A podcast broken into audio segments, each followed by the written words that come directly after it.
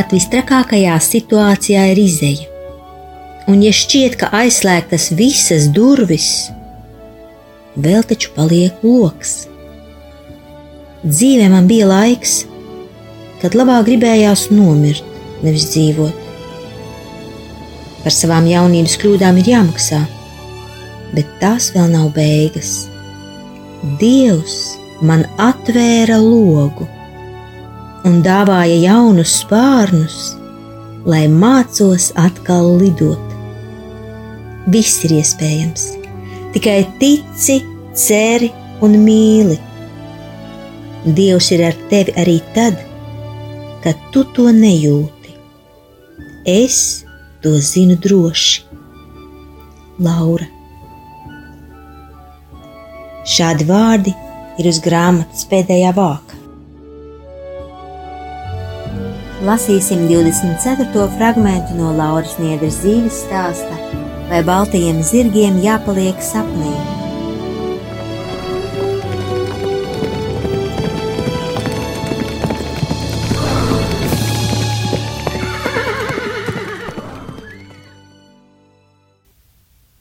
Jauniešu dienās Zeguškalnā Laura piedzīvo kaut ko neparastu. Viņa sēž baznīcas beigās un klausās ansambļa mēģinājumu, kad pēkšņi viņa sajūt tādu mīlestību, kādu vārdos nav iespējams aprakstīt. No sirds dziļumiem laužas ārā neapturama asaru lavīna, un no acīm it kā nokrīt kāds plīvurs, kas visu laiku bija aizsedzis Lauras garā acis. Meitene skaidrs sajūt, ka patiesība nav adventistu sludinātajās mācībās par ēšanu un nēšanu, pirkšanu un nepirkšanu, bet gan tikai šī viena. Dievs ir mīlestība. Dievs ir mīlestība. Un Lauras sirds gavilē. Šķiet, ka šajā brīdī meitenei ir pieskāries pats Dievs kā ar roku. Tiek noņemtas visas līdzinējās šaubas par sabata vai svētdienas svinēšanu, par visām dogmu neskaidrībām, par visām baznīcu savstarpējām nesaskaņām un dziļi iesakņotajām adventistu mācībām. Dievs ir mīlestība, Dievs ir mīlestība, un Laura to saprata šeit visvētākā sakramenta priekšā. Meitenei šķiet, ka viņu ir apskāvušas tēva mīļās rokas, un neviens vairs neizraus viņu no šīm rokām. Laura palēnām nopietni sāk domāt par pāriešanu katoļu ticībā, jo šeit plūst īpaša mīlestība īpašs klusums, īpaša gara klātbūtne, kas liecina, ka šajā baznīcā ir visa iespējamā pilnība. Tas nav cilvēku veidojums, tās nav cilvēku mācības vai gudrība. Tā ir dieva klātbūtne un dieva spēks. To Laura nav piedzīvojusi nevienā citā baznīcā.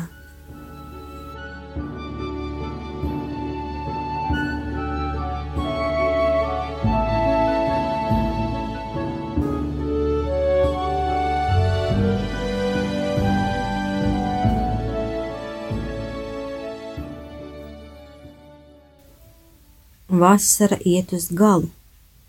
Priekšā vēl tikai svēceļojums. Daudzi tos sauc par neprātu. Vienai ar trīsgadīgu un piecgadīgu bērnu doties ar kājām tādā ceļā. Divas nedēļas saulē, lietu un putekļos.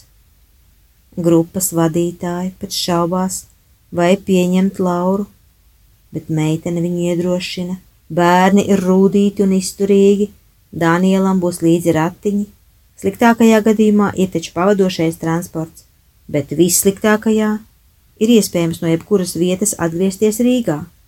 un Laura nebūs viena. Viņas būs divas. Dzeguškalnā sastaptā draudzene Sandra ir apsolījusi visā palīdzēt. Riska nekāda, bet iegūstamās svētības milzīgas. Tā viņi tiek uzņemti grupā, un ceļš sākas. Pirmajā dienā Laura nemaz nemana, ka viņai būtu bērni, jo Elīza aktīvi ar visiem draudzējas, čāpodama te vienam, te otram pie rokas, bet Daniela ratiņi ir uz izķeršanu. Grupā ir daudz lielāku bērnu un pusauģu, un visiem tas šķiet tik interesanti - stumt ratiņus. Arī otrā un trešā diena paiet diezgan viegli, jo pa šoseju soļot ir patīkami un ratiņus stumt brīnišķīgi. Turpmāk gan parādās nelieli sarežģījumi, jo ceļš dažu brīdi pārvēršas mīkstā grantī, pa kuru ratiņus stumt ir gandrīz neiespējami, taču arī to grupas biedri palīdz pārvarēt. Laura ir laimīga, ka devusies šajā ceļā, ka var dziedāt, dejot, lūgties kopā ar kristīgiem brāļiem un māsām, ka var pārvarēt grūtības, draudzēties un dalīties dienas šajā maizē. Ceļš ir grūts, taču gan Laurai, gan bērniem tas šķiet brīnišķīgs, bet līdz vienai dienai, kad grupā klāt nāk jauna dalībniece. Jau pirmajā vakarā, tikko atbraukusi, šī sieviete uzbrēdz Danielam, kad viņš nejauši iedanco uz grīdas noliktajā tējas krūzē. Laura nobrīnās vien par tik agresīvu attieksmi bet īstās mocības sākas otrā dienā, kas ir grants, putekļu, karstas saules un negantu apvainojumu pilna, līdz asarām pilna.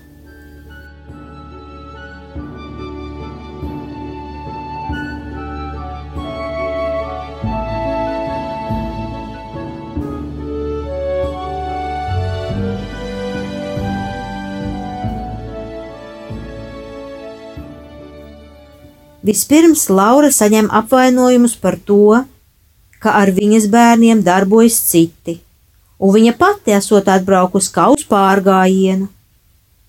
Tad dienas gaitā seko nemitīgi rūcieni un kritika. Tas ļoti spēcīgi iedarbojas uz meiteni, un viņai sākas ķēdes reakcija - dricelēt savus bērnus. Laura tur Elīzu pie savas rokas un nelaiž nekur paskaidrojot meitiņai, ka vienai māmiņai nepatīk, ka viņa tā brīvi staigā. Arī Daniela ratiņus meitene stumj pati, lai gan viņai šķiet, ka tūlīt zudīs pēdējie spēki, jo grants ir nežēlīgi akmeņaina un mīksta. Knapi tikusi līdz pusdienu placim, Laura pierunā Elīzu braukt līdzi dežurantiem ar busiņu. Pati meitene apguļas pļavā, un viņai šķiet, ka vairs nespējas piecelties. Tomēr ir jāiet tālāk. Visi ir paguruši, un ratus īpaši neviens vairs nekāro. Katrs pēdējiem spēkiem velk savas kājas. Daniels pēc pusdienām sāk mikt, un tas rada dubultslodzi, jo ratiņi nav nolaižami guļu stāvoklī. Pa šoseju Laura vienkārši pacēla ratu priekšējos riteņus, un dēliņam iznāca guļu stāvoklis bet pa granti to izdarīt nav iespējams. Pat uz visiem četriem mazajiem ritentiņiem pastumt ir neiespējami. Laura gan stumj, gan velk, un viņai šķiet, ka sviedri kā asinis sūcas pa visām malām. Daniela galva nemitīgi krīt uz priekšu, bet nav laika pat apstāties un sakārtot, jo grupa soļo lielā tempā. Lauras mēle ir pilnīgi izkaltusi, bet nav laika apstāties, lai somā sameklētu ūdeni. Meitene trīcošām rokām rakājas pa somu, līdz izvelk vienu pudeli, kas izrādās tukša. Vairāk meklēt nav laika, jo grupa jau lielā gabalā un Laura skriešus metas visiem pakaļ. Taču slāpes ir neciešamas un meitene apstājas vēlreiz, atradusi ūdeni, Viņa dzer kā kamielis tuksnesī, ilgi un neremdināmi, taču maziem malciņiem, jo tas ir pēdējais ūdens. tad atkal skriešus metas pakaļ pārējiem. Aizmigušais Daniels šausmīgi šūpojas, Laurai šķiet, ka viņa tūlīt paliks ceļa malā pavisam. Meitene sāk meditēt par Kristus pēdējām ciešanām. Viņai galvā skan Jēzus vārdi: Man slāpst. Tad Laura apstājas vēlreiz, jo dēlēns tiešām šūpojas šausmīgi, kaut kas ir jāizdomā. Meitene piesien daņuka cepurīt pie ratiņiem, un nu kādu laiku ir miers. Galviņa ir nofiksēta, taču tad tā atsprūk vaļā un kratās no jauna. Laurai atkal jāapstājas, lai to piesietu, un tad jāskrien citiem pakaļ. Meitene vairs nesaprot, ar kādiem spēkiem viņa to dara. Laurai šķiet, ka viņas dzīvība karājas mata galā. No pārslodzes sāk durt arī sirdī.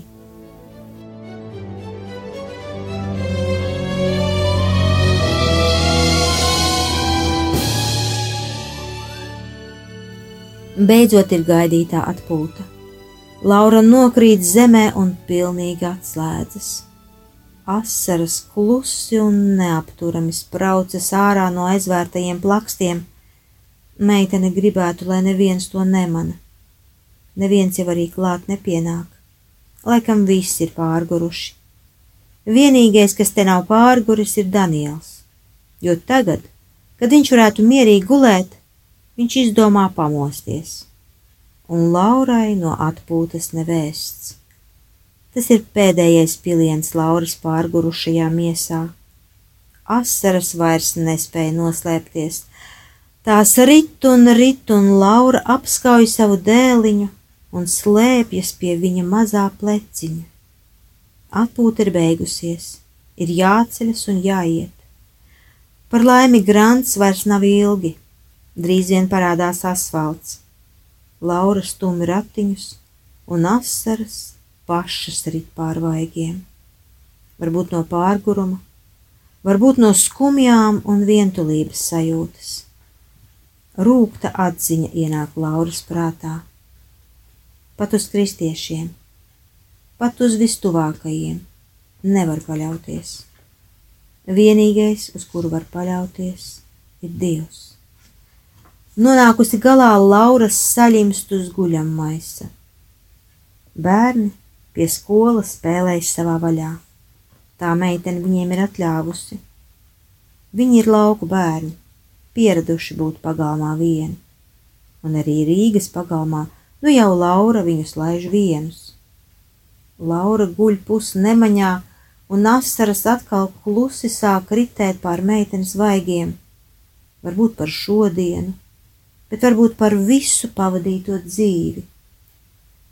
Pēc vakariņām pie Lauras pienāk kašķīgā māmiņa un ierūc viņai ausī. Es nesaprotu, kur tādas dzeguzes rodas. Saražo bērnus un palaiž, lai citi par viņiem rūpējas. Māmiņa nerimstas un nerimstas apvainot Lauru, ka tā atļāvusies palaist bērnus ārā spēlēties. Lūdzu, lieciet mani mierā, Laura lūdzas. Man jau tā šodien bija smaga diena. Es redzēju, saka māmiņa. Bet kāpēc tad man būtu jāskatās tavi bērni? Es taču nelūdzu jums skatīties manus bērnus. Laura vēl caur asarām cenšas skaidrot, bet māmiņa neliekas mierā. Viņa turpina savus apvainojumus. Laurai sāk likties, ka viņu gaida māju ceļš, jo tas iet pāri meitenes spēkiem. Par laimi nākamajā dienā Laura ir dežurante. Tas nozīmē, ka viņa paliks uz vietas gatavot pusdienas un tad ar bērniem brauks busiņā. Tas ir kā glābiņš, jo arī šodien grupai paredzēts čāpot pa tādu pašu riebīgu granti. Slava Dievam, ka tieši šajā dienā Laura izvilkusi dežurantes lozi. Dievs acīm redzot nav paredzējis meitenei nomirt uz ceļa, buksējot ar ratiem pa granti. Vakarā Lauru sagaida vēl viens necerēts iepriecinājums. Izrādās, ka kašķīgā māmiņa viņiem piebiedrojusies tikai uz brīvdienām, un šovakar viņa brauc mājās. Vienā momentā pazūd Lauras nesaprotamais nogurums un smagums.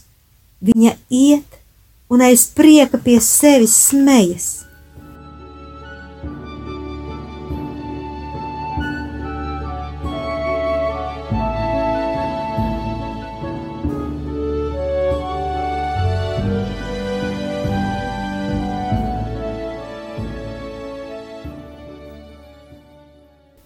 Atlikušās dienas ir jaukas un izturamas. Grants mies ar asfaltu, un grupas biedri palīdz. Bet Laura daudz domā par šīm smagajām divām dienām. Kā murgs ik pa brīdim skan ausīs vissāpīgākais vārds pasaulē - dzeguze, dzeguze, dzeguze! Kā cilvēks var kaut ko tādu pateikt, redzot meiteni pirmo dienu un pilnīgi neko par viņu nezinot? Tas tik dziļi smeldz Lauras sirdī, kad nemitīgi atgriežas un atgriežas domās. Laura cenšas to aizmirst, izmest no galvas, piedot, bet smagums vienalga paliek. Līdz pienāk aglona Tālumā jau gara acīm Laura saskata brīnišķīgo aglonas baziliku. Visi grupas biedri sveic viens otru, no sirds apkampjot, skan līksmi, smiekli un gavilis, ceļš ir galā. Milzīgs pūlis svēceļnieku. Cik brīnišķīgi tos redzēt! Laura katru izjūt kā savējo, un pašā centrā Aglonas bazilika. Un ir atbraukusi arī kašķīgā māmiņa. Lauras sirds saraujas, bet tikai uz īsu brīdi. Visvairāk meitene tagad vēlētos izlīgt ar sevi, ar dievu, ar šo māmiņu. Laurai nepatīk šī smaguma sajūta, kas pareizē vēl uzplaiksnī viņas sirdī. Meitene gaida svētās mises miera sveiciena brīdi, tad noteiktiem soļiem dodas pie šīs māmiņas un sniedz viņai roku. Ar šo rokas spiedienu pazūd pēdējais smagums. Viss izlīdzināts svētceļojums piepildīts. Mājās atgriezties nevēlas ne bērni, ne Laura. Mazie jautā, vai arī nākošais gads viņi ies svētceļojumā. Viņi būtu gatavi turpināt kaut tūlīt. Laura gan vēl nevar neko droši solīt, jo grūti tomēr vienai ar diviem. Tas bija 24. fragments no Lauras Niedras dzīves stāsta, vai baltajiem zirgiem jāpaliek sapnī.